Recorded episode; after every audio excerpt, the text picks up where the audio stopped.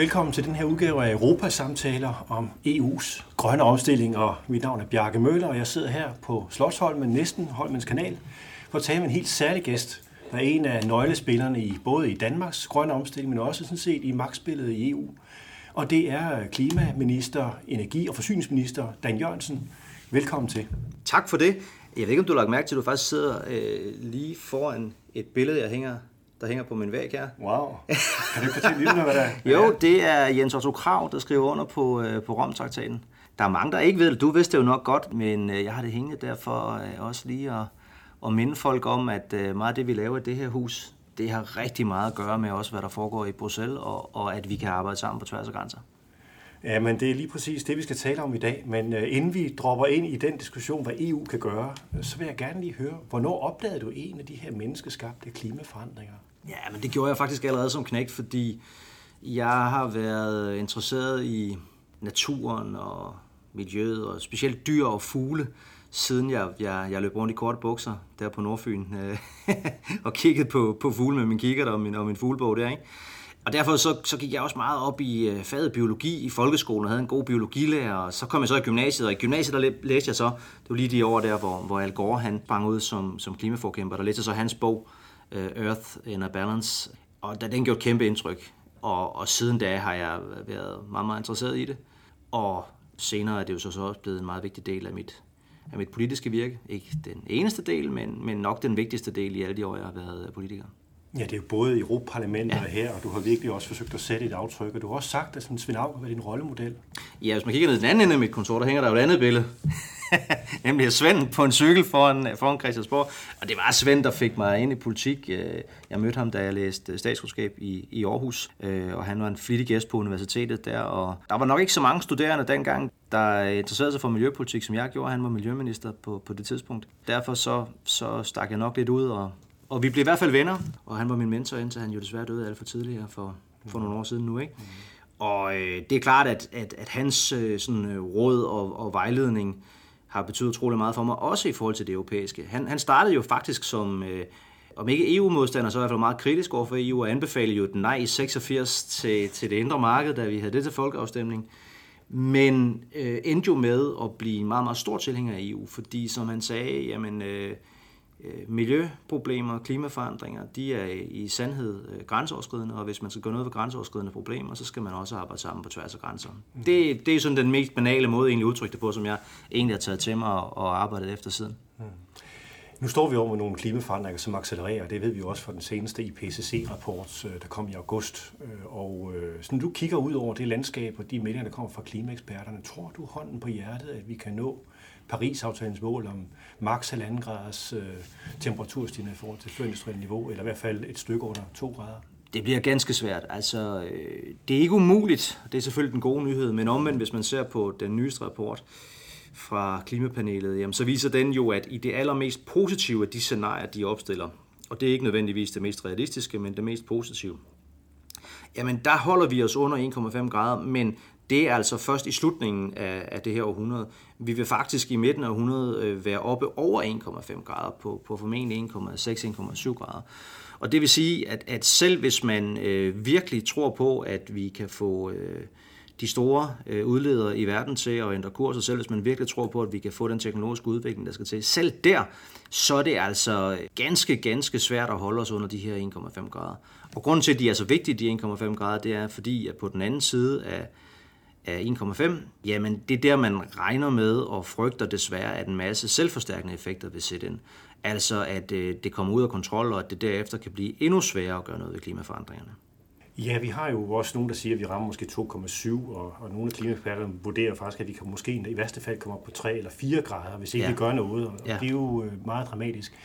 Du har sagt, at Danmark skal være sådan en grøn stormagt, øh, og jeg har skrevet en bog om, at Europa skal være ja. en grøn supermagt, så det kunne måske spille sammen. Men det giver meget god mening faktisk i sammenhæng, fordi jeg mener jo, at vi skal, fordi vi er så lille et land, og der, der kun står for 0,1 procent af verdens udledninger, så, så er det klart, at vi bliver nødt til at starte med at komme til den erkendelse, at hvad vi selv gør, det er isoleret selv set måske ikke så vigtigt, men hvis vi gør det på en god og en ordentlig måde, jamen, så kan vi påvirke andre. Kan vi påvirke andre, jamen, øh, så er vi jo mulighed for at gøre en forskel globalt. Og der er det klart, at den største mulighed, vi har der, det er jo EU.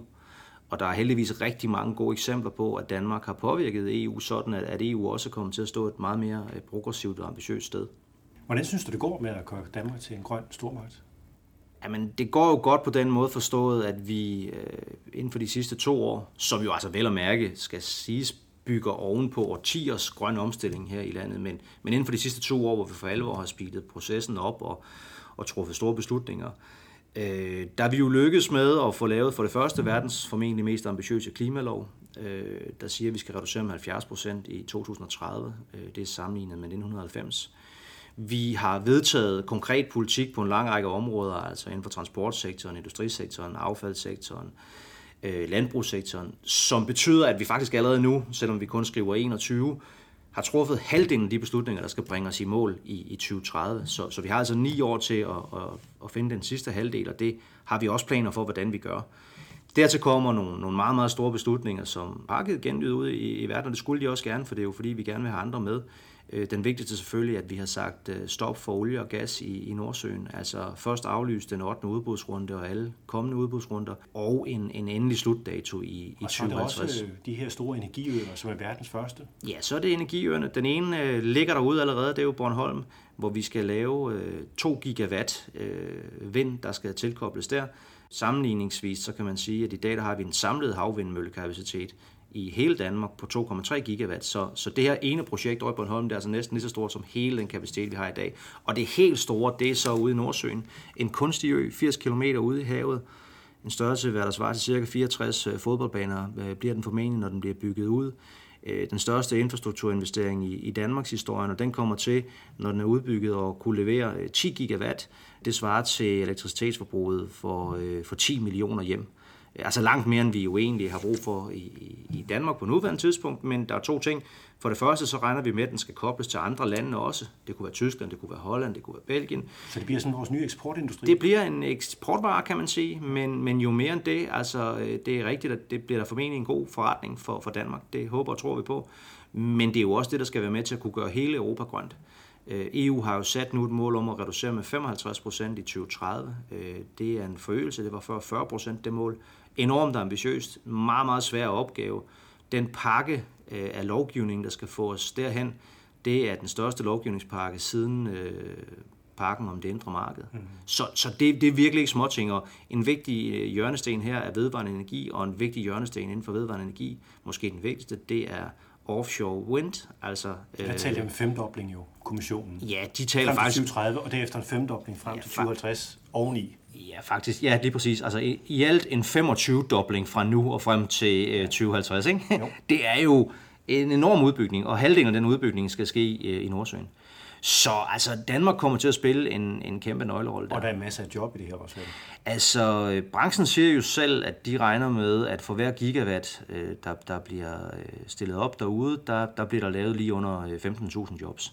Og det Altså det tror jeg, man kan sige, nogle gange vil det sikkert være lidt mere, nogle gange vil det sikkert være lidt mindre, men, men det er nok i den omegn. Det er jo rigtig, rigtig mange jobs, når vi taler øh, 10 gigawatt. Dertil kommer jo alle de følgeindustrier, som også øh, kommer i andre dele af vores samfund, som skal dekarboniseres, altså gøres grønnere. Så samlet set, så tror jeg, at vi kigger ind i en, en fremtid, hvor vi vil have langt, langt flere grønne jobs i Danmark. Bare nu kigger på EU's øh, planer, øh, det er jo 55 procents reduktionsmålet, altså er jo meget ambitiøst internationalt for, og der er ikke nogen, der har gjort det så konkret før, men, men hvis man kigger på det, de siger, så rammer vi så måske 2,5 grader. Det er jo lidt, der ligger i øjeblikket, altså måske ikke engang nok i forhold til det, mm. vi skal nå i Paris-aftalen. Hvad, yeah. hvad kan vi gøre fra den side for at løfte øh, ambitionsniveauet gradvist i EU? Man kan måske ikke gøre det i de første år, men så Altså, vi, vi havde jo argumenteret for fra dansk side, at man skulle hæve det til 65. Men jeg tror alligevel, man må også være en smule realistisk og sige, at det, at det faktisk lykkedes at få det hævet til 55, det, det var i hvert fald mere, end jeg selv havde tur tro på. Det, jeg kender heller ikke nogen, der for et år siden troede, det var realistisk nærmest. Så, så der er sket utrolig meget i, i europæisk politik, og tænk sig engang, vi har nu fået et forslag fra EU-kommissionen, som jo altså består af kommissærer øh, fra også Tyskland og Frankrig og Italien og Polen og Sverige, om at forbyde benzin- og dieselbiler altså salg af nye benzin- og dieselbiler fra 35. Det er jo helt vildt, at de her bilproducerende lande nu er gået med til det. Det er selvfølgelig bare en lille del af en meget stor pakke, men den er ret illustrativ i forhold til den udvikling, der, der er sket. Og det, at vi nu skal til at lave de her massive investeringer, som det jo bliver i den grønne omstilling, udvide hele den måde, vi går til kvotehandelssystemet på, sådan at transport, boliger, bygninger også kommer med, det kommer til at få meget, meget store øh, effekter. Det betyder også, tror jeg, at det, som så virker som et meget, meget øh, ambitiøst mål nu, og som nogle lande synes er, er nok også lige den, lige den, den, den hårde øh, ende, at det vil faktisk på sigt vise sig, at, at det kan vi godt nå, og ikke bare kan vi nå det. Vi kan faktisk formentlig også gøre det på en måde, der kommer til at gøre hele Europa mere konkurrencedygtigt.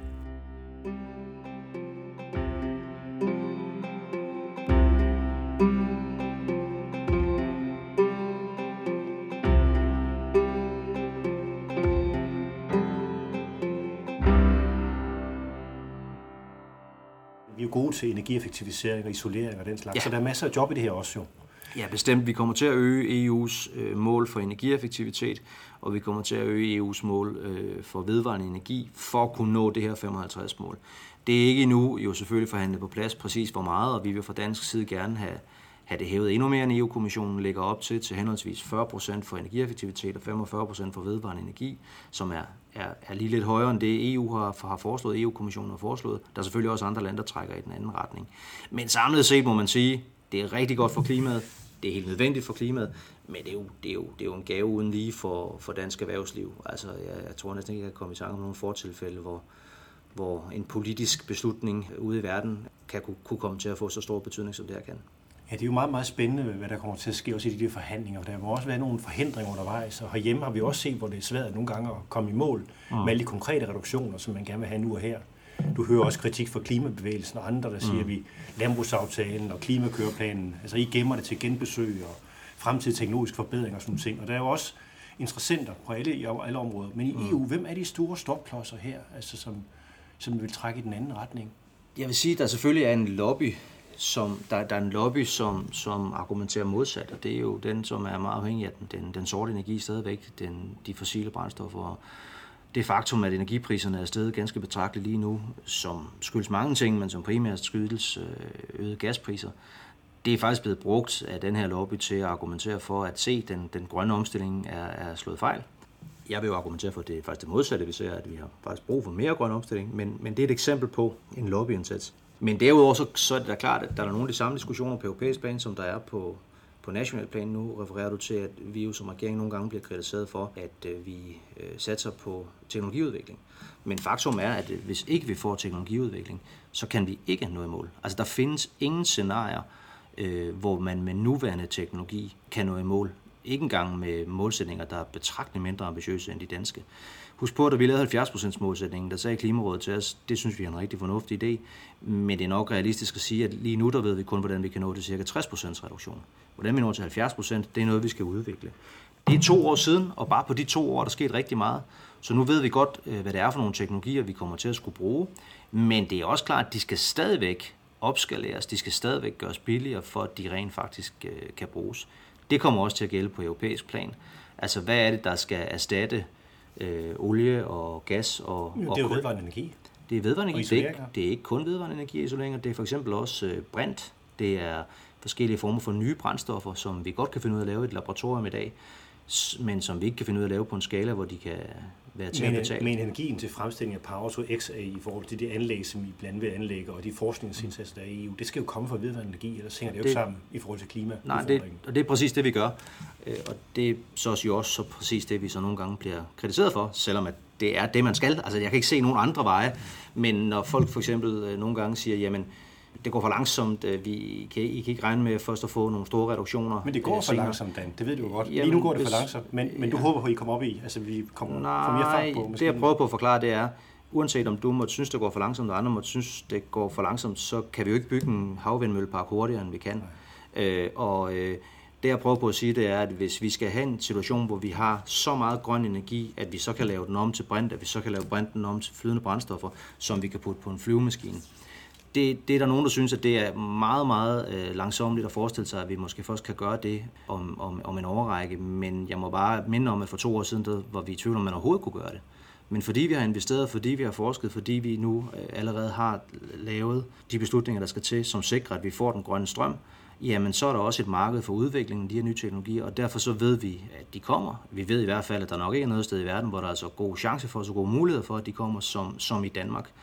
Tag et andet øh, eksempel, som er noget, der, der er måske mere konkret og håndfast, at man skal tage landbrugsjord ud. Det er jo en del af vores øh, landbrugsaftale her. Øh, lavbundsjord, øh, og i stedet for at oversvømme den, og, altså i stedet for at dyrke den, så oversvømmer man den, så betyder det, at vi optager drivhusgasser i stedet for at udvide drivhusgasser. Det er også noget, der tager tid. Det er heller ikke noget, nu er beslutningen truffet, det betyder jo ikke, at de så i morgen ikke er dyrket, og der så står vand på dem. Altså det tager noget tid faktisk at få det planlagt, få det forhandlet med den lokale øh, landmand, få, få, få det vand ud, få de biologiske processer til at virke. Så, så ja, det går, det går langsomt. Du siger, at det går for langsomt, øh, Dan, tror jeg, du sagde. Det gør det jo faktisk ikke. Altså vi, vi har lavet en klimalov, som siger, at vi skal nå 70 procent i 2030. Og nu har vi truffet beslutninger, der bringer os halvdelen af vejen, og vi skriver 2021. Øh, og vi har ovenikøbet fremlagt en plan, så man kan se, hvornår vi har tænkt os at træffe resten af beslutningerne. Det er ikke sådan en tilfældig plan, hvor vi bare plopper nogle ting ned. Vi har været inde og regne på hver eneste af de her teknologier. Hvor modne er de? Hvad for nogle barriere er der? Hvordan er prisudviklingen? Hvornår skal man så øh, træffe de sidste beslutninger, for at vi kan være sikre på, at vi når i mål i 2030? Jamen det skal man i 2025. Og det er det, vi har forpligtet os på at, at gøre. Så, så nej, det går ikke øh, for langsomt. Det går faktisk øh, hurtigere, end jeg i hvert fald havde tur øh, håb på. Selvfølgelig ikke hurtigere, end man, havde, man håber på, hvis man, hvis man bare sådan øh, lever på en anden planet og slynger ud, at det, det, vi skal bare stoppe i morgen, jamen, så skal vi jo lukke Danmark ned i morgen. Det kan det jo ikke. Det kan det jo ikke. Altså, vi, det tager noget tid at bygge en vindmølle. Det tager noget tid ja. øh, at, og, og, øh, at få øh, vådområder til at, at blive yes. transformeret fra det ene til det andet. Så det, det tager tid. Mm. Men beslutningerne er truffet. Men der er jo selvfølgelig utålmodighed i klimabevægelsen osv. Men der er jo for eksempel, altså, der er en masse folk, der har kigget på det her, og det med teknologierne, der ikke er der. Altså, vi ved, har de vedvarende energikilder, dem har vi. Vi er rigtig dygtige til på den, på den front i Danmark, og der har vi nogle muligheder, som jeg også har talt om tidligere. Der er en større rapport fra Stanford University, som, som jeg har været meget optaget af. Det er en rapport, der viser, at det er både teknisk muligt, altså økonomisk muligt, at udrulle, altså at skabe 100% vedvarende energisystem i Europa.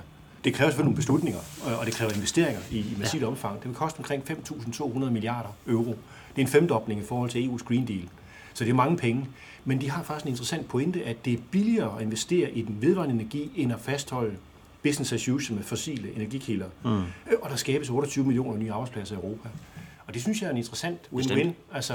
Men det er jo den form for argumentation, jeg bruger, når jeg sidder i, i Bruxelles. Og vi er jo et af de lande, der går forrest og viser andre, at, at det faktisk kan lade sig gøre. Det er klart, det jeg så også bliver mødt med af kollegaer, det er jo for eksempel, når jeg taler med Kurczyka, den, den polske minister, så siger han, ja, vi er jo et lidt andet sted end jer. De får 78 procent af deres elektricitet i dag fra kul.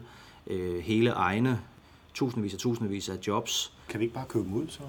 Nej, det er ikke så nemt, altså fordi, øh, jeg ved ikke, jeg tror jeg faktisk ikke, jeg forstår, hvad du mener med at købe dem ud. Stat kulkraft med vedvarende energi, jeg betaler simpelthen for det fra EU's side også. Ja, altså, det, jo, og det er jo så selvfølgelig også det, vi gør. Altså, vi har jo sat ganske mange penge af i forbindelse med, med det nye flereårige budget. Den her nye grønne øh, pakke af lovgivning kommer også til at allokere flere midler. Øh, og Polen har heldigvis også lavet det, så den gode nyhed, en, en plan for at sige, at de vil nedbringe øh, deres produktion af, af, af kulbaseret el fra at være 78% til at være 11% i 2040. Og det er jo et kæmpestort fremskridt. Men det er bare for at sætte tingene i perspektiv. Vi taler om at være fuldstændig fri for, for kul lige om lidt, og helt grøn i, i 2027 eller 2028. Og det er der så nogle i Danmark, der synes, at det går for langsomt. Ikke? Så har vi et land som Polen, som hvis de virkelig, virkelig, virkelig speeder op, og finder noget andet til de her mennesker at lave, finder noget andet for de her regioner i deres land at lave, finder nogle vedvarende energikilder, som også kan være med, når, når vinden ikke blæser osv., så, så vil de altså først i, i, i 2040 være nede på, på 11 procent, og stadigvæk have kul. Aller sidste spørgsmål. I november er der COP-møde her øh, i Glasgow. Hvad er det vigtigste, at EU kan gøre i, i det spil, og hvad skal Danmark også øh, med til at understøtte på? Hvad er det vigtigste, hvis hun skal træffes? Altså, det vigtigste EU gør, det er, er sådan set noget, vi allerede har gjort. Det vil sige gå forrest. Det vil sige lave en bindende klimalov, der sikrer en reduktion på 55 procent. Lave en mekanisme for, at vi er sikre på, at vi når, vi når målet. Øh, det er det, der, der allerede nu har givet ganske stor genlyd derude, og det er det, der gør, at EU er den progressive kraft, hvad jeg vurderer i de her forhandlinger. Et andet meget vigtigt spørgsmål er klimafinansiering, altså det, at verdens rige lande skal hjælpe verdens fattigste lande. Nu har Biden lige fordoblet USA's bidrag, men, men selvom han gør det, så er det stadigvæk markant under EU's bidrag. Og det siger jo lidt om, at også der, der, der, er, vi, der er vi ganske godt med, og, og, og der skal vi så bruge den, den lederposition som, som union til at påvirke specielt de store udledere, det er selvfølgelig Kina, Indien og USA.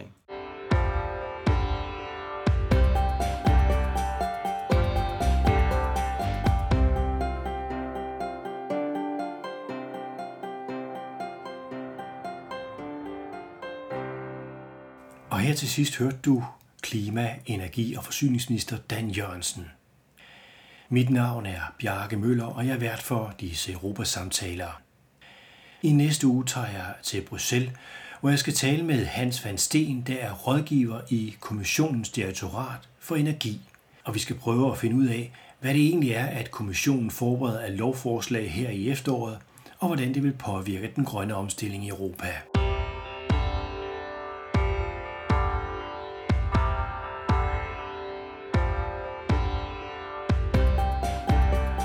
Tak for denne udgave af Europasamtale. Jeg håber, du lytter med næste lørdag, når vi taler med Hans van Steen. Musikken i denne udsendelse er komponeret af Christian Møller.